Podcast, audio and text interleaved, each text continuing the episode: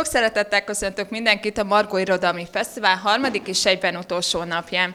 Én Kiselet vagyok, és arra kérem önöket, hogy engedjék meg, hogy néhány szolgálati közleménnyel kezdjem a beszélgetést. A Buklánstadnál meg tudják vásárolni az újratervezés önismeret 40 felett című kötetet, és sok más könyvet is, amennyiben itt vásárolnak, és játszanak a Margó Polc játékon, akár egy egész évnyi olvasni valót nyerhetnek. A következő beszélgetésünk pedig a Jafa kiadónál megjelent Gedő Ágnes újratervezés önismeret 40 felett című kötetéről fog szólni. A szerzővel Gedő Ágnese Piala Bolcsa beszélget. Jó szórakozást kívánok! Köszönjük szépen! Szóval én is üdvözlök akkor újra mindenkit, Fiala Borcsának hívnak, és 46 éves vagyok, és én 36-38 éves koromban terveztem egyébként újra az életemet, úgyhogy nagyon örültem, amikor láttam a könyvedet, illetve a könyv címet is.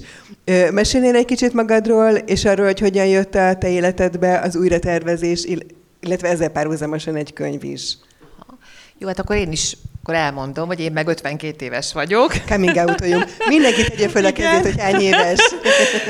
és hát közel 30 éve dolgozom pszichológusként, kezdtem kb. 10 évig felnőttekkel, klinikai területen, pszichiátria felnőtt pszichiátriai gondozó, és utána akkor váltottam, nevelésoktatás területére gyerekekkel és szüleikkel foglalkoztam, és körülbelül négy éve dolgozom vezetőként egy intézményben felnőttekkel, úgy szintén. Az újra tervezést én nagyon fontosnak tartom. Igazából én szerintem én folyamatosan újra tervezek. Most éppen tavaly, tavaly áprilisban egy nagyon, nagyon erős belső ösztönzést éreztem arra, hogy most írjam meg azt a könyvet, amit mindig is meg szerettem volna írni. És hát tulajdonképpen megjött az az ötlet, amit én már régen kerestem.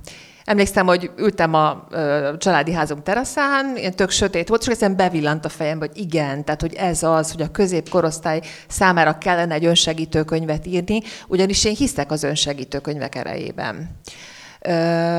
És akkor körülbelül három, három hónap alatt ezt én meg is írtam, úgyhogy már az első változatot, mert utána az Eszter segítségével még, még elég sokat kellett rajta alakítani, hogy most akkor ilyen legyen.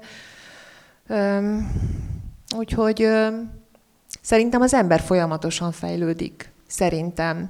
És nagyon fontos azt tudni, azt próbáltam ebben a könyvben átadni, hogy, hogy teljesen természetes az, hogy az ember 40 után is fejlődik. Tehát a, a 40 év fölöttieket nem kell leírni egyáltalán. Tehát ez egy új, új élet szakasz kezdete.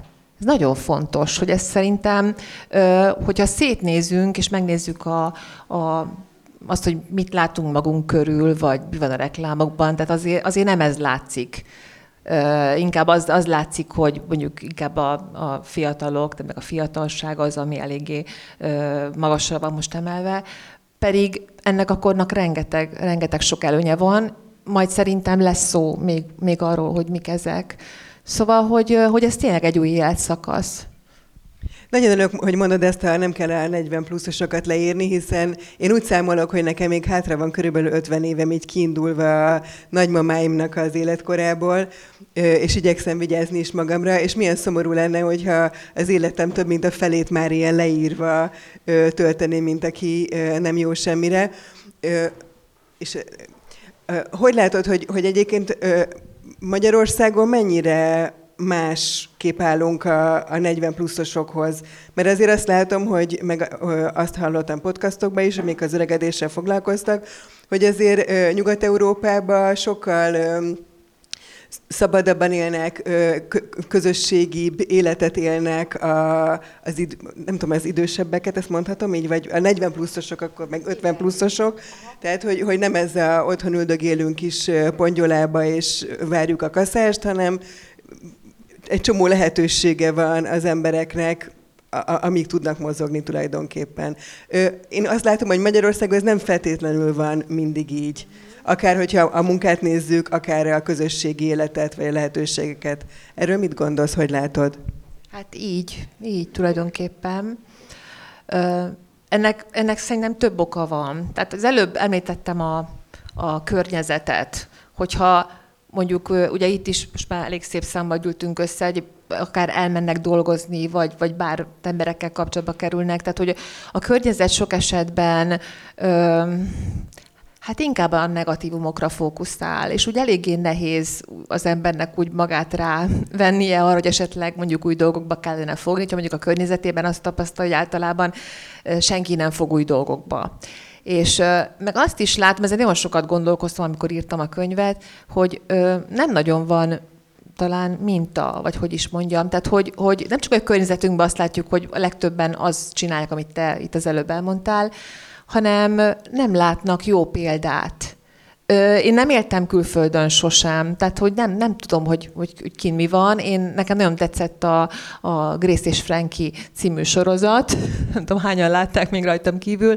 Ez, ez egy fantasztikusan jó példa, de lehet, hogy fikció, ezt én nem tudom megmondani. Bár azért, azért ez a Keep Smiling Amerikában, ez, ez azért azért ott van. Na mindesetre, aki nem ismeri a, a történetet, 70 plusz fölött kezdték újra, de még úgy is, hogy még ez a, ez a két házas párból akkor aztán végül is a, a, a férfiak egymásra találtak nyíltan, és a nők pedig vállalkozást indítottak 70 fölött, nem is akár miért. Én most nem mondom el, hogy miért. De érdemes megnézni a sorozatot. Az ember 20 évesen arról álmodozik, legalábbis a, én erről álmodoztam, hogy majd lesz egy klassz munkám, férhez megyek, gyerekeim születnek, és akkor onnantól fogva már az egész életem egy ilyen csillámporos boldogság lesz. Azért ezeket a nem túl bonyolult dobozokat ki tudjuk pipálni 40 éves korunkra, akár még egy vállás is belefér ebbe az időbe, vagy több. Mégis, amikor oda kerülünk, akkor nagyon sokan úgy érzik, hogy megrekedtek, mint hogyha langyos iszapot taposnák, hogy olyan az egész életük olyan drap lett.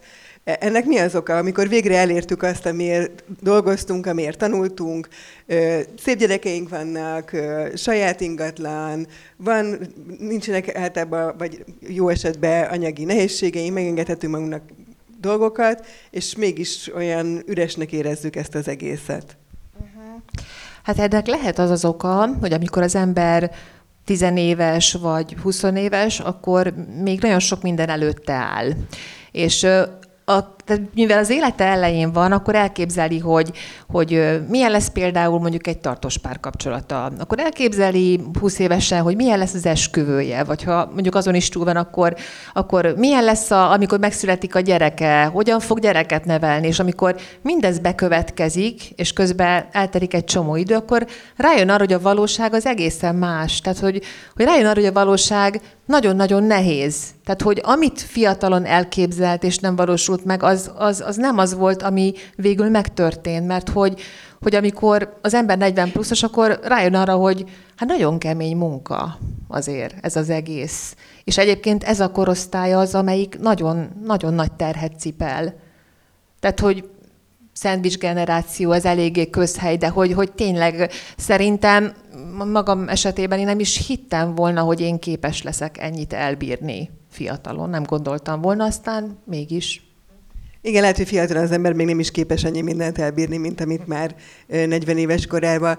Emlékszem, amikor 30 éves lettem, ami ugye nagyon régen volt, akkor fölé volt az édesanyám, hogy fölköszöntsön, és mondta, hogy Borcsa, ezek lesznek a legszebb éveid. És mondtam, hogy ugyan, én örök ilyen húra optimista vagyok, Persze ez most nagyon klassz lesz ez a 30-as, de majd ha 40 éves leszek, majd az is biztos nagyon klassz lesz. És akkor mondta, hogy nem, nem, 30-as, ezek lesznek a legszebbek. És egyszer nem lehetett eltántorítani ettől. Most már elmúltam 40 éves régóta, és mindenkit megnyugtathatok, hogy ezek is a legszebb évek, sőt, igazából én sokkal jobban érzem magamat 40-esként, mint 30-esként, de, de azt látom a környezetemben, meg tényleg a médiában, meg mindenhonnan ez ömlik ránk, hogy ja, hát a B oldal, valaki végig, végigasztalja magát, hogy persze jobb számok általában a B oldalon vannak, de hát uh-huh. ez itt már tulajdonképpen egy ilyen kicsit ilyen downhill, csomó, főleg nők ezt ilyen nagyon negatívan élik meg, mint hogyha ha tényleg ezzel a 40-es táblával így valami óriási, drasztikus dolog történne. Én ezt nem írom alá, de hogy mi, miért van ez? Miért lett pont ez a 40-es a mérföldkő? a B oldal a szörnyű dolog. Hát 40 fölött azért már, már jól látszik a változás fizikailag is.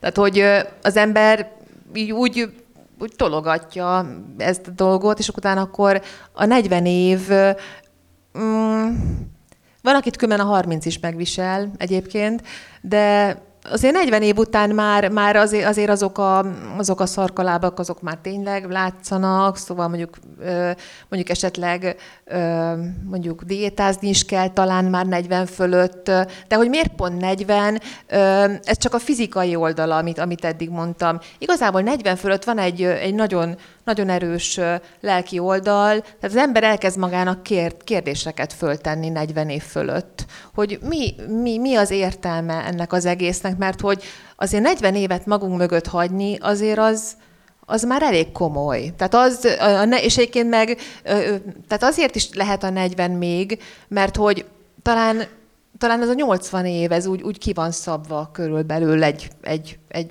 nekünk mondjuk, és, és az a 40, ez pedig már a fele, akárhogy is nézzük. És azért, hogyha ha az ember belegondol, hogy már eltelt a fele, és, és már akkor, hát jó esetben van még ennyi hátra, akkor azért az egy eléggé ö, elgondolkodtató dolog. Mi, mi az értelme, mivel töltsem el, hogy, hogy, hogy jó legyen? Erről a külső jeleken már látszik, erről két dolog jutott eszembe. Az egyik, tudod, van ez a, hogy jaj, de jól nézel ki, tisztára, mint 30 éves korodban, igen, csak fél órával tovább tart már. Ugyanez. Ö, nagyon szerencsésnek tartom magamat, mert hogy engem ez sose izgatott különösebben, hogy elkezdek ráncosodni, hogy egyáltalán nem úgy nézek ki, mint 20 éves koromban. Ö, mégis, amikor felhívott egy barátnőm, akinek a férje éppen akkor végezte el a ezt a botox tanfolyamot, ilyen OK és botox tanfolyamon vett részt, és akkor fölhívott, hogy akkor rajtam szívesen karácsonyi ajándék. Ráadásul ezt úgy hívott fel a barátnőm, hogy figyelj, csak kérdezek valamit, de ne értsd félre. Az ember ilyenkor kezdi el azonnal félreérteni. Próbáltam, nem? Szóval, hogy, hogy akarok-e akkor karácsonyra botoxot, és mondtam, hogy nagyon szépen köszönöm, de, de nem. De jó, akkor kérdezzem meg a barátnőimet, és azért hát, ha. Már csak egy poénból megkérdeztem, és akkor az egyik barátnőm mondta, hogy ú, Isten, semmiképpen nem szeretne botoxoltatni, mert hát minden, tehát ő azért a ráncokért megdolgozott. És én is így állok ehhez hozzá, hogy azokban a ráncokban, a hurkákba, a narancsbőrömbe annyi emlékem van, annyi, annyi mindent tettem az úgy érdekébe, hogy azokat legyenek, hogy ezekért semmiképpen nem szeretnék lemondani, de ezzel az egész fiatalság kultusz, ami, ami körbevesz minket, ez valóban öm, nehéz ez ellen küzdeni. Öm, hogy látod, hogy az embereknek általában mi okozza a leg, legtöbb kihívást ebben, a, ebben az időszakban, illetve honnan ö, tudjuk felismerni, ez most két kérdés, hogy, ö, hogy egy, egyrészt az, hogy nem annyira érezzük jól magunkat a bőrünkbe, de hogy annyira nem érezzük magunkat jól, hogy akkor valóban érdemes lenne újra tervezni. Tehát akkor, akkor először, hogy mi okozza a legnagyobb kihívást? Öm, hát szerintem Szerintem a, egy ilyen általános csalódottsággal köszönt be ez az egész. Tehát én inkább, inkább erről, erről beszélnék az elejéről. Tehát, hogy amíg, amíg az ember fiatal, addig nagyon sok állapotot, ami, ami kellemetlen, tehát akár a magánéletében, akár a munkahelyén, pillanatnyinak tart. Tehát azt gondolja, hogy nem jó ez a munkahely, de majd, majd másút leszek majd hamarosan, és akkor, és akkor ezt csinálja egészen sokáig, és akkor egyszer csak 40 éves lesz, és, és rájön arra, hogy, hogy ez, ez nem pillanatnyi, ez nem ideiglenes, ez az életem. És, és mindig azt mondtam, hogy, hogy majd másképp lesz, és eltelt a fele, és még mindig itt vagyok. Tehát, hogy szerintem ez a legnehezebb, és ezt, ezt hívják igazából életköze, életközepi válságnak. Mert onnantól már tényleg kellene valami értelmet találni. Mert ezt így, tehát hogy már, már most már úgy, szóval, hogy tényleg eltelt a fele, és, és világosan látjuk, hogy hát igen, ez most már tényleg az, hogy és nem, nem lesz, hiába képzelem el mondjuk a rózsaszín jövőt, az valószínűleg nem fog bekövetkezni. És ezt elfogadni, meg azt, hogy akkor valamit, valamit csinálni kell. Mi volt a második kérdésed? Bocs. De más, másra is Jó, gyorsan akkor elébe is vágok, mert Jó. hogy a, a, a, amit a végére tartogatom kérdés, de hogy ez egy, azért is egy nagyon izgalmas könyv, mert hogy, ahogy te is mondtad, ez ilyen gyakorlati segítséget nyújt, tehát a könyvnek a fele az ö, olyan feladatsorok vannak benne tulajdonképpen, amit az ember otthon elvégezhet, annak érdekében, hogy akkor megtalálja a, a válaszait a te kérdéseidre tulajdonképpen, illetve azokra a kérdésekre, amiket magának is esetleg fel szokott tenni. Mesélnél akkor egy kicsit nekünk erről a könyv második feléről? Aha. Jó, de aztán majd az elsőről is, jó? Mert hogy igazából, vagy beszéljek egy kicsikét az elsőről is, csak annyira, hogy megérthető legyen a második jó. fele. Mert hogy hogy talán nagyon jól van ennek a könyvnek a, a fülszöveg, fülszövege megírva, mert hogy, hogy arról szól, hogy, hogy tulajdonképpen a lelkünk egy titkos szereplőjével ismerkedhetünk meg e, ezen könyv lapjain. És tulajdonképpen ez a könyv, ez, ez két részből áll. Az első elméleti részben ismerkedhet meg az olvasó ezzel a bizonyos titkos szereplővel, akit, akit, akit szabotőrnek neveztem el, és az, hogy, hogy ki ez a szabotőr, így az első részben leírásra kerül, hát ő tulajdonképpen az a részünk, a, akit nem tudunk akaratlagosan befolyásolni. Nevezhetjük őt mondjuk a tudattalan részünknek. Ő a szabotőr. És a könyv második részében tulajdonképpen ezzel a szabotőrrel, tehát mindenkinek a saját személyes szabotőrjével való kapcsolatfelvételt lehet elvégezni. Önismereti gyakorlatokon keresztül. Tehát, hogy a két rész, az első rész és a második rész az abszolút összetartozik, mert tulajdonképpen a, az elsővel kicsikét úgy ráhangolódunk a szabotőrre, vagy a tudattalanra. Tehát, hogy nagyon sok ö, történetet olvas, olvashatnak majd az, a, az olvasók olyan férfiakról és nőkről, akik 40-50 évesek, és, és hát olyan élethelyzetbe kerültek, amikor vagy hirtelen kezdték újra az életüket, és csináltak egy óriási nagy huszárvágást, vagy éppenséggel úgy jártak, hogy nem csináltak semmit, pedig lett volna rá lehetőségük, tehát hogy különböző történetek vannak az első részben, és a második részben vannak ezek a gyakorlatok. Tehát miután így az olvasó kicsikét ráhangolódott arra, hogy jó lenne akkor megismerni a saját szabotőrjét, akkor jön a második fele. És a gyakorlati rész az három, három blokkból áll, az elsőnek azt a címet adtam, hogy felderítés, és ezek azok a gyakorlatok, amik igazából ilyen, ilyen klasszikusan ismereti gyakorlatok, tehát például mondjuk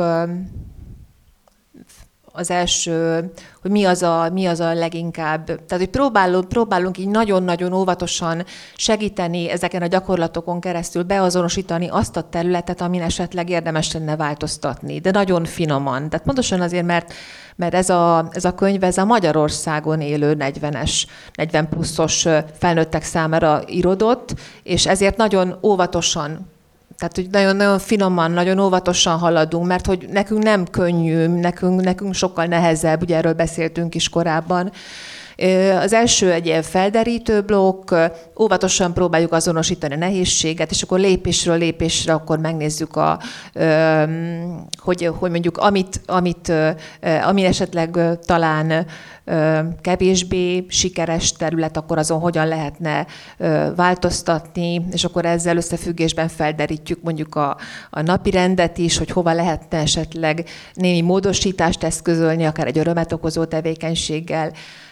Akkor beszélünk a korlátozó hiedelmekről, akkor megismerkedhetünk az alszemélyiségeinkkel, illetve a belső kritikussal. Tehát ez itt az első harmad, és akkor a második pedig már kicsikét tovább visz a testre, ugyanis Hát mivel a, a testünk és a lelkünk nagyon szoros kölcsönhatásban van egymással. Hogyha szeretnénk harmonikusabbak lenni, és végül is ugye ennek a könyvnek ez a célja, hogy próbáljon ehhez hozzásegíteni, akkor nagyon fontos, hogy a testünket is harmóniába hozzuk, és ezt viszont relaxáción keresztül lehet a legkönnyebben elérni, úgyhogy ez is nagyon-nagyon lassú, nagyon fokozatos négy lépés, a második blokk, ez, a, ez az ellazulás, és akkor a harmadik pedig már még tovább megy, itt pedig egy kicsikét már, már a gondolatokat vesszük szemügyre, ennek pedig az a neve, egy konstruálás. És Öm, hát nem tudom, hogy mit mondjak még erről. Kérdezek nagyon szívesen, hogy megengeded. Amikor olvastam ezt a belső kritikus ö, részt, hogy ö, egyre, de lehet, hogy félreértettem, tehát hogy egyre az, az volt bennem, hogy vajon honnan önököljük magunkba, vagy hogyan születik meg bennünk ez a belső kritikus, ö, hogy vajon az, az lehet-e a gyerekkorunkból valaki, aki így kritizált minket, vagy rendszeresen, ez, ez volt az egyik dolog, ami, amit akkor most meg kihasználom az alkalmat, és megkérdezek. A másik meg, hogy, hogy miért van az, és ezt olyan sok embernél magamnál is látom, hogy úgy beszélünk magunkkal, ahogy senki mással nem beszélnénk. Tehát, hogy, én sokkal szigorúbb és, és szemetebb is vagyok igazából magammal. Tehát amiket magamnak mondok, az eszembe nem jutna senki másnak, és próbálom magamat is trenírozni, hogy hogy legyek kedvesebb magammal, és másoknak is próbálom ezt az igét ö, hirdetni. Mi az oka ennek, hogy ilyen kritikusak vagyunk magunkkal, sokkal jobban, mint, mint más, és honnan születik a belső kritikus az emberbe? Igen, a belső kritikusra vonatkozik a, még az, az első, tehát az önismereti részben egy gyakorlat, aminek során megpróbáljuk akkor földeríteni, hogy milyen is ő. Hát a belső kritikus az abszolút a, gyerekkorból származik, de azt nem mondanám, hogy valamelyik szülőnk, tehát inkább szerintem összegyúrják mondjuk, tehát hogy mondjuk esetleg egy kicsi ebből, egy kicsi abból. Minden esetre mindenképpen a gyerekkorban szár, gyerekkorból származik, és hát biztos itt sokaknak van olyan emléke, hogy valamelyik közeli hozzátartozójuk esetleg azt mondta nekik, hogy de hülye vagy például, vagy, vagy hogy lehet valaki ilyen ostoba. Tehát, hogy általában a, ezek a korai kritikák, ezek, ezek ö, ö, alapozzák meg a belső kritikus ö, személyiségét, a személyiségét lehet így mondani, és akkor már ö, már rég felnőtt az illető, de a belső kritikus az, az még mindig ott van, esetleg egyre erősebb, és esetleg mondjuk a szülei, akitől hallotta, talán már rég nem mondják, vagy lehet, hogy tehát hogy a belső kritikus nem, nem azt jelenti, hogy mondjuk a szüleink túlságosan szigorúak vagy dur, durván bántak velünk, ez abszolút nem ezt, nem ezt jelenti. Egy fokozottan érzékeny periódusban valamiért valamiért ott megszületett ő. Egyébként, egyébként mindenkinek van ilyen, csak lehet, hogy valaki nem tud róla, de mindenkinek van. És hogy, hogy miért ilyen szigorú velünk, Hát ezen, ezen gondolkodtam, mert való igaz, hogy amit a belső kritikus mond, azt mi már mi nem mondjuk másnak, de magunknak mégis mondjuk. És hogy hát szerintem az lehet az oka ennek, hogy, hogy lehet azt valahol azt érezzük mélyen, hogy ha nem, nem korlátozzuk a belső kritikust, akkor azzal segíthetünk magunknak. Szerintem, mert hogy ha feltételezzük, hogy a belső kritikus valamiképpen a korai időszakból a szüleinkkel vagy közeli családtagjainkkal kapcsolatos, ők azok, amik, ők, amikor ilyen kritikát mondtak nekünk, akkor azzal valójában hát talán segíteni akartak nekünk a maguk módján. És lehetséges, hogy mi is azt gondoljuk, hogy azért kell nekünk a belső kritikust elviselni, mert hogyha mondjuk mondjuk ilyet mond, akkor azzal talán a dolgok jobbra fordulhatnak, vagy talán akkor kicsikét előrébb juthatunk. Egyébként szerintem a belső kritikust korlátozni kell. És lehetséges, hogy nagyon sok ember azért hagyja ennyire szabadon, vagy mert hogy nem, nem lett, hogy ők, ők, van egy belső hiedelmük, hogy, hogyha, hogy talán ezzel jobbra fordulhatnak a dolgok, de egyébként a belső kritikust meg kell szabályozni, tehát hogy nem, nem szabad hagyni, mert ez egyáltalán nem jó, hogy, hogy ilyeneket mond. Elkanászodik. De azért azt gondolom, hogy valamennyire mégis szükségünk van erre a belső kritikusra, nem? Mert hogyha ha nem lenne, nem létezne ez a belső kritikusunk, akkor másban se az illető, mint azt mondanánk, hogy úristen, annyira szuper vagyok, és ez is mennyire rohadt jól csináltam, az, az se tűnik nekem minden egészségesnek. Hát nem is az. De, de azért, azért általában a belső kritikus nem ilyeneket szokott mondani, hanem, hanem általában csúnyákat. Úgyhogy ha, ha mondjuk azt el lehetne érni, hogy legalább, legalább ne úgy mondja, vagy, vagy tehát hogy szerintem az a jó, hogyha mondjuk úgy, úgy beszélne velünk, most ilyen hipotétisekről beszélek, mint ahogy mi beszélünk a barátainkkal. Építőkritikát fogalmazna meg, igen. És akkor beszéljünk egy kicsit, a másik nagyon izgalmas dolog, ez a szabotőr, aki meg ugye az embert megakadályozza a fejlődésbe. Ö, Nem. Hát ö, tulajdonképpen mm, addig, addig szabotőr a neve, amíg nehézségeket okoz. Igen, tehát végülis ez, ez így teljesen igaz. Hát hogyha nézzük akkor meg, hogy, hogy, hogy a szabotőr milyen, ugye?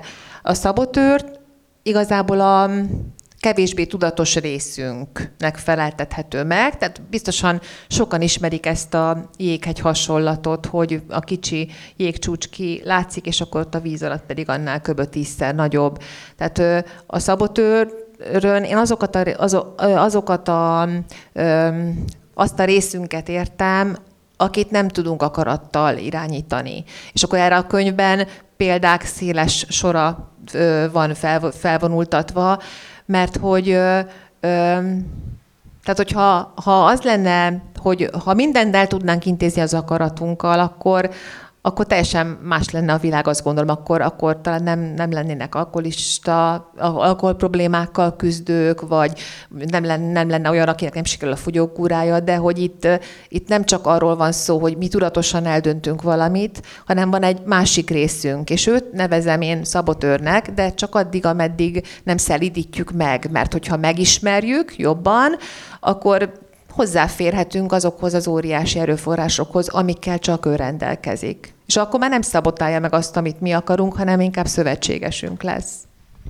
Igen, többször elhangzott, és ez nem tudom mennyire világos egy nézőközönség számára, hogy valóban nagyon-nagyon sok plastikus példát hozol, ilyen, tulajdonképpen ilyen esettanulmányokat egy-egy problémára, amivel azt gondolom, hogy az ember jobban föl tudja ismerni a más életébe azokat a mintákat, amiket a saját életében nem, de ezeket elolvasva sokkal világosabb lesz, és akár tükörként is tud funkcionálni. Úgyhogy tényleg nagyon szuper jó gyakorlatok vannak benne, ez, ez is egy nagyon jó motivuma a könyvnek. A, egyik részben írtál a magányosság érzete, illetve az egyedül létről, és ez nagyon sokat gondolkodtam ezen, hogy, hogy ez, meg hogy ez 40 éves korban miért jelenik meg, mert azért általában az emberek ilyenkor családban élnek, de hogy az ember egy családon belül, meg egy házasságban is érezheti magát nagyon magányosnak. És hogyha megengedtek egy ilyen rövid személyes gondolatot, hogy amit elváltam, és a gyerekeimmel egyedül maradtam, akkor nekem az segített egy idő után, tehát akkor éreztem, hogy már kezdek jobban lenni, amikor egy, nem, tehát magányosnak mondjuk nem éreztem magamat, főleg azért, mert állandóan van körülöttem valaki, de amikor kibékültem azzal, hogy én tök jól vagyok egyedül, tehát hogy nekem nem kell feltétlenül egy, egy pasi, egy férj, egy, egy, akár, egy akárki mellém, mert hogy én jól érzem magamat egyedül, és, és igazából onnan tudtam már egészségesen benne lenni egy párkapcsolatban. Hogy, hogy szerinted ez miért ennyire tehát sok embernél látom, hogy nagyon fél attól, hogy, hogy egyedül van, nem mer beülni egy, egy kávézóba, egyedül egy kávéra, étterembe beülni egyedül, az is már ilyen necces megebédelni egy csomó ember számára, moziba menni, színházba menni, tehát egy csomó olyan program van, ami, amit én társas tevékenységként értékelünk, és akkor, hogyha valaki ezt egyedül csinálja, akkor az még egy kicsit egyedül érzi magát. Nem tudom, így ért, mennyire érthető a kérdés. Tehát ez a magányosság, egyedüllét, személyiségfejlődés, ilyesmi. Uh-huh. Um, teljesen igaz az, hogy, hogy nem, csak, nem csak az lehet magányos, aki egyedül él. Um, én ismerek olyan embereket, tehát vannak olyan emberek a környezetemben, akik akik szerintem magányosak. De mindegyik eset más. Tehát amikor itt általánosságokról beszélünk, végül is tulajdonképpen mindegyik, mindegyik eset abszolút más, mert van, aki azért magányos, mert talán nem tud annyira alkalmazkodni másokhoz. Tehát, hogy, hogy ha mondjuk őt megkérdeznénk, hogy, hogy ő magányosnak tartja magát, akkor, akkor hát lehet, hogy el se ismerné. Tehát, hogy itt, itt mondjuk a probléma felismerésével és ö, ö, ez is kérdés sokaknál. Ö, tehát talán ok, ok lehet talán azt, hogy kevésbé tudnak alkalmazkodni, kevésbé türelmesek, ö, de szerintem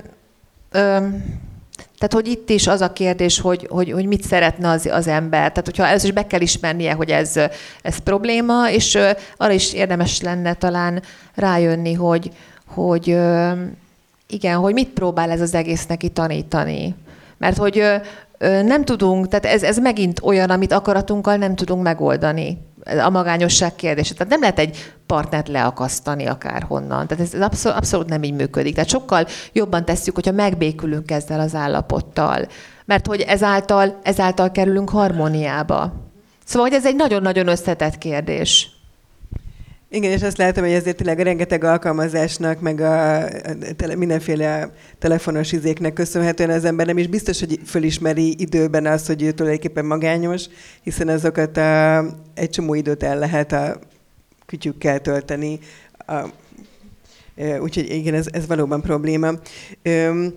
Volt még egy izgalmas része a könyvednek, hogy a, a hosszú távú kapcsolatokról, és ott például volt egy ilyen mondat, hogy az együtt töltött évtizedek ellenére az egyik ö, ö, szereplő rajong még mindig a feleségért, illetve a, a kezdeti szerelmük aztán barátsággá szelidült, és én ezen is nagyon sokat gondolkodtam, hogy hogyan így elvált emberként is, hogy, hogy most megpróbálok egy nagyon naív kérdést föltenni, jó? Tehát, hogy, hogy meg lehet őrizni egyébként a hosszú távon a, ha nem is a szerelmet, mert ugye az két, két év alatt állítólag az egy ilyen hormonális elváltozás, és kiürül az ember szervezetéből, de hogy, hogy mégis ezt a, ehhez hasonlatos érzést, amit mindannyian szeretnénk, amikor kimondjuk a boldogító vagy boldogtalanító igent. Hát ez megint egyénenként teljesen különböző, de azt szerintem megállapíthatjuk, hogy, hogy ami volt, az már biztos nem olyan. Tehát azt tuti. De, de ezt, ha különböző embereket kérdezünk, akkor ők teljesen másképpen nyilatkoznak erről. Tehát, hogy ö, van, aki mondjuk, mondjuk úgy érzi, hogy 20 éve házas, de ő ő még, még, még időnként még ő még mindig megdobban a szíve, de, de ez már nem ez a, ez a pillangók a gyomorban érzés semmiképpen, hanem sokkal egy, de sokkal mélyebb, egy sokkal mélyebb szeretet. És akkor más pedig úgy érzi, hogy mondjuk egy nagyon, nagyon erős barátság alakul ki közöttük. Tehát ez személyenként változik. Tehát ahogy az elején különböznek egymástól a párok tagjai, úgy, úgy 30 év után is különböznek, ha együtt maradnak ez is ritka. Szóval igen, igen, igen. Hát igen, mert ugye te is beszéltél a kapuzárási pánikról, illetve az életközépi válságról, ami nagyon sokszor öm, tehát nagyon sokszor adja az, hogy akkor a, a házaspárok szétmennek, mert a, a sportkocsi, a fiatal csaj, vagy a fiatal fiú, hogy nem akarok ki nagyon ráhúzni a vizes lepedőt csak a férfiakra, de hogy mint hogyha nem lenne annyira értéke ennek a hosszú távú dolognak.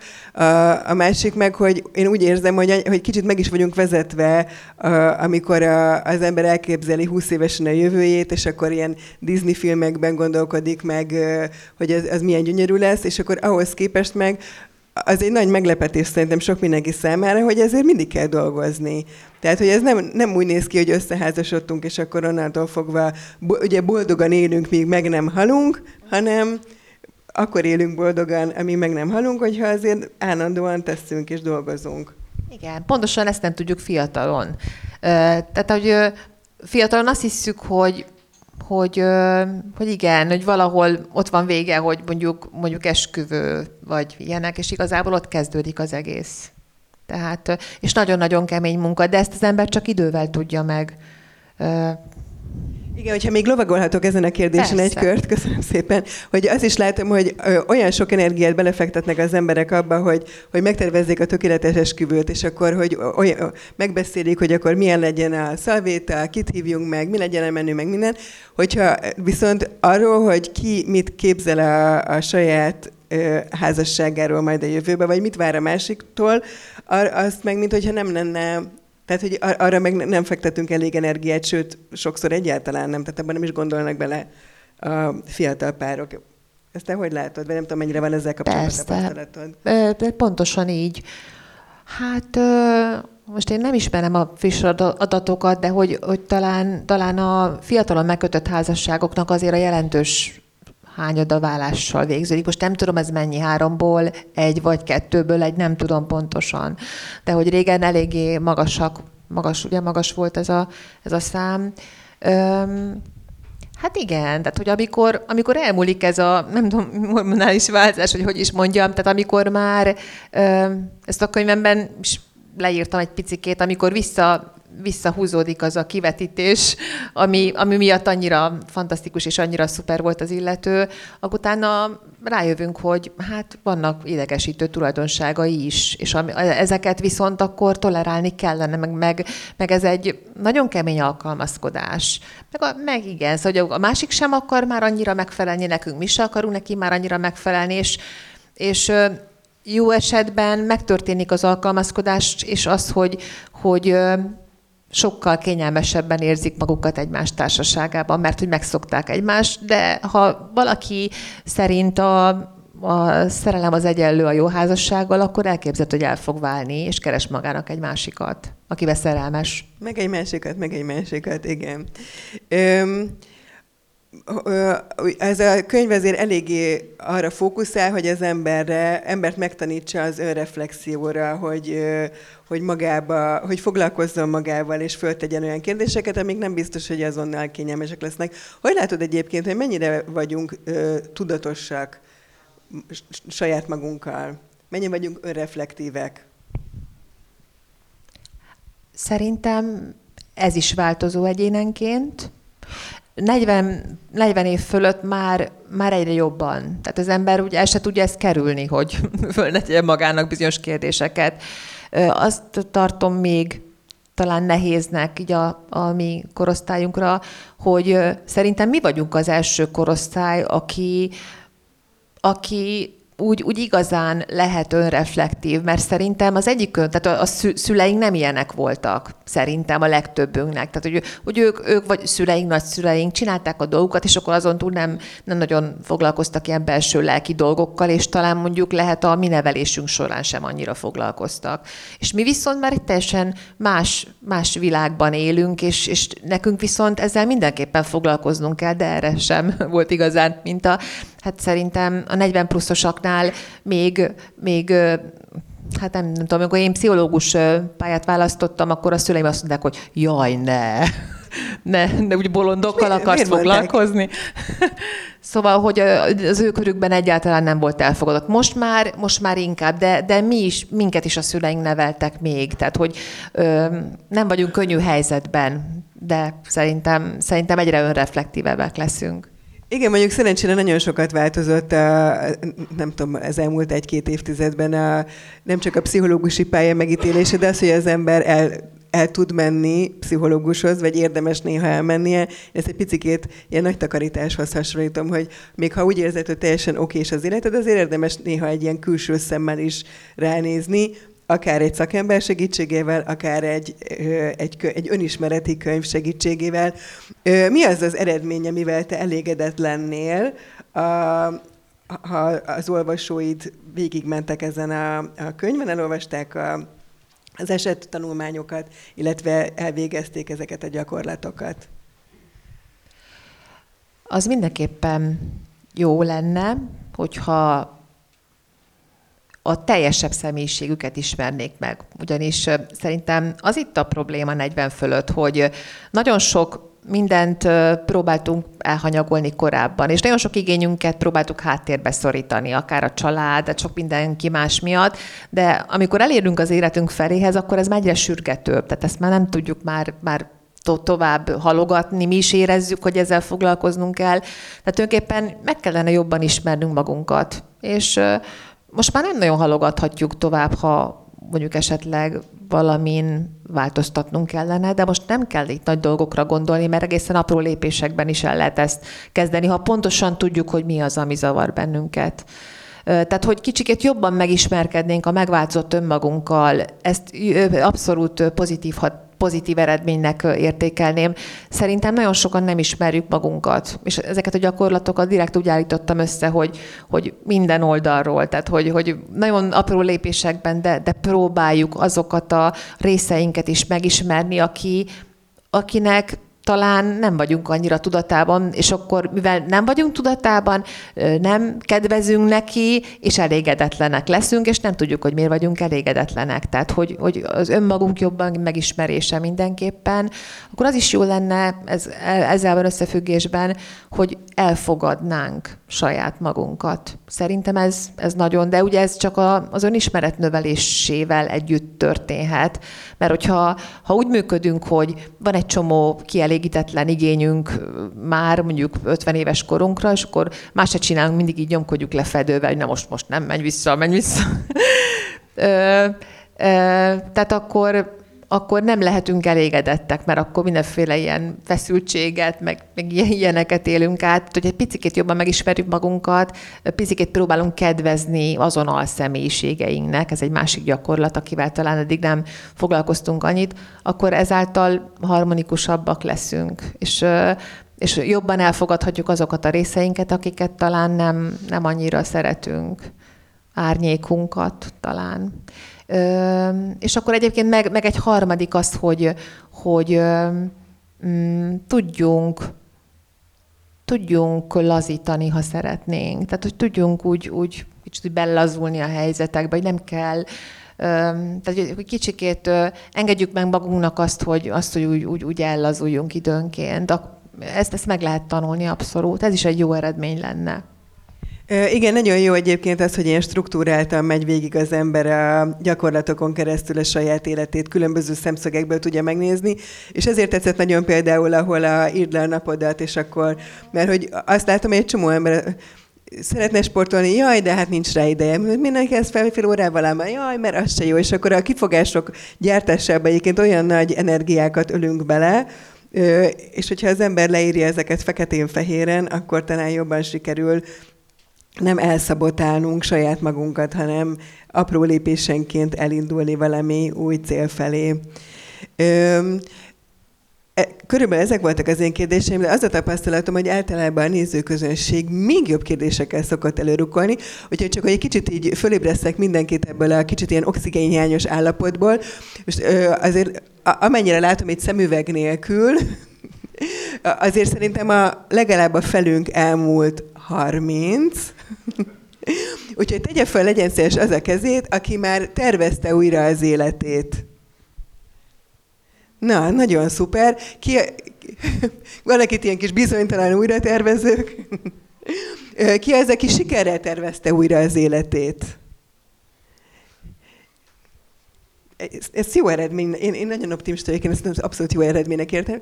És ki az, aki tervezi, hogy újra fogja egyszer majd valamikor tervezni az életét, vagy benne van az igény?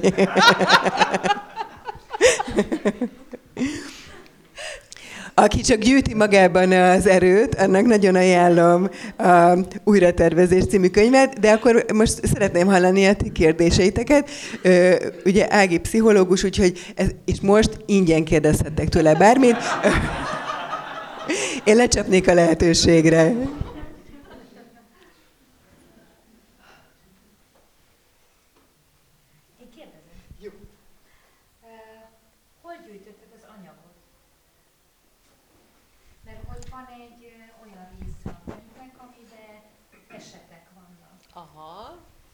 Tehát mennyire baráti társaságon keresztül? Nem, nem, nem, nem, nem. Hát mindenhol. mindenhol. Például ö, van olyan eset, amelyik ö, a, az első néhány, tehát a, amikor kezdő voltam, és a pszichiátrián dolgoztam. Tehát tulajdonképpen ez egy ilyen, amióta dolgozok, azóta. És egyébként meg, tehát hogy most a történetekre gondolsz, gondolom, minden, ez, ezek ilyen, ilyen tehát, hogy mind megtörtént, de valahogy mégis ötvöződnek az esetek, szóval nem tudom ezt másképpen fogalmazni. Tehát, hogy abszolút mindegyiknek valóság alapja van, mindegyik. Mindegyik igaz.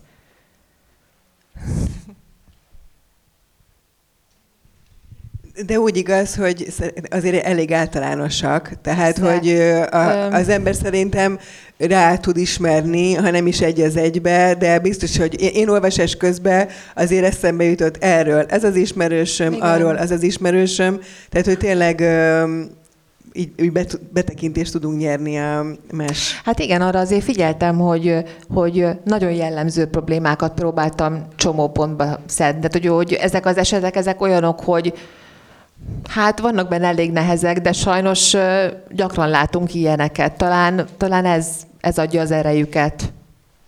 A- másik meg, hogy semmi ítélkezést nem láttam benne, és ez, e- e- ennek nagyon örültem, hogy e- nem tudom, ez nem mennyire volt benne tudatos, de például a, annál a férfinél, aki a, a hosszú házassága után e, végül is egy fiatalabb nő mellett találja meg a boldogságot, ott is elmondtad, hogy lehet, hogy ez, ez lesz neki a tök szuper, és hogy, hogy aztán boldogságba fogják leélni a, a következő 50 évüket, vagy az is lehet, hogy, hogy nem.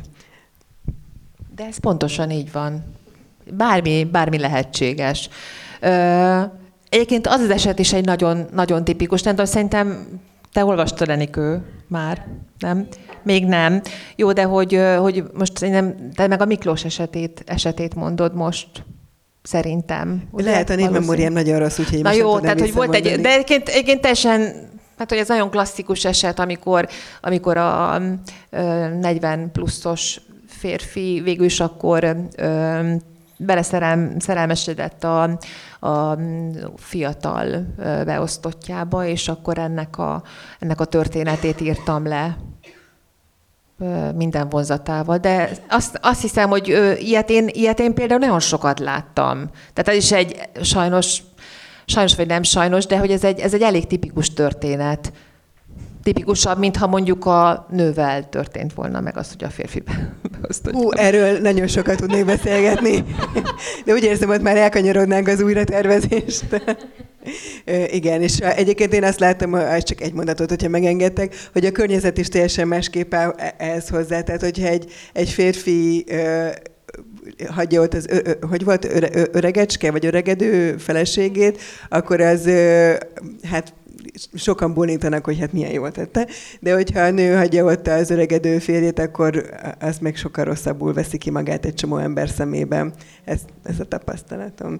Ö, a- a- nagyon izgatottan várom a kérdéseket, de még gyűjtitek a bátorságot. Nekem még egy, egy lenne, hogy a, a, az ember életében két ilyen nagyobb mérföldkő van talán, ami ilyen, ilyen drámaibb, ö, több drámával történik meg. Az egyik a kamaszkor, ezt ugye kamasz gyerekek anyukájaként alá tudom érni, hogy ez tényleg tud nagyon drámai lenni néha. A másik pedig valóban ez a kapuzárási pánik, vagy életközépi válság, ugye több néven fut, és egy picit más is jelent.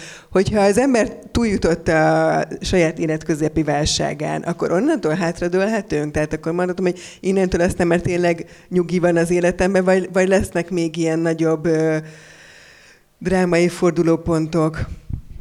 Hát jó esetben úgy jutunk túl rajta, hogy, hogy mondjuk megtaláljuk a, az értelmét. Tehát, hogy jó esetben így jutunk túl rajta. De egyébként szerintem van még egy szakasz, és pedig erre nem szeretünk gondolni, de amikor a, amikor a legvégén az ember értékel, amikor visszatekint. Tehát szerintem az, az, az abszolút még előttünk áll szerintem, csak akkor már nem lesz, nem lesz már idő változtatni. Egyébként vannak ilyen, ilyen pszichológiai módszerek is, hogy képzeld el a megtudod, hogy már csak egy, szóval, szóval ilyenek. Úgyhogy van még igen egy, de az, az már egy abszolút visszatekintés csak. Tehát akkor most még tudunk változtatni, úgyhogy aki szeretne újra tervezni az életét, annak nagyon ajánlom, jé, pont itt van egy könyv erről. nagyon ajánlom a könyvet, amit meg tud, aki nem volt elég előrelátó, és nem vásárolta meg, az a Bookline-nak a, ezt te tudod elmondani, mert te már jártál ott, a helyén meg tudja venni ott hátul, és te hol is fogsz dedikálni? Ott. Ahol mondják. Akkor a technikai részletekkel, akkor ezt még egyszer el tudod nekünk mondani? Csak hogy mindenkinek legyen szép aláírása. Jó. Köszönjük szépen elsőnek is a beszélgetéseteket, és a dedikálás még a Bookline terasznál lesz, ahol a szerzőkötetem most 20% kedvezménye vásárolható meg. És augusztusban pedig a Margó Festen találkozunk Szentgyörgyváron, és további jó szórakozást kívánok még a Margon. Köszönjük.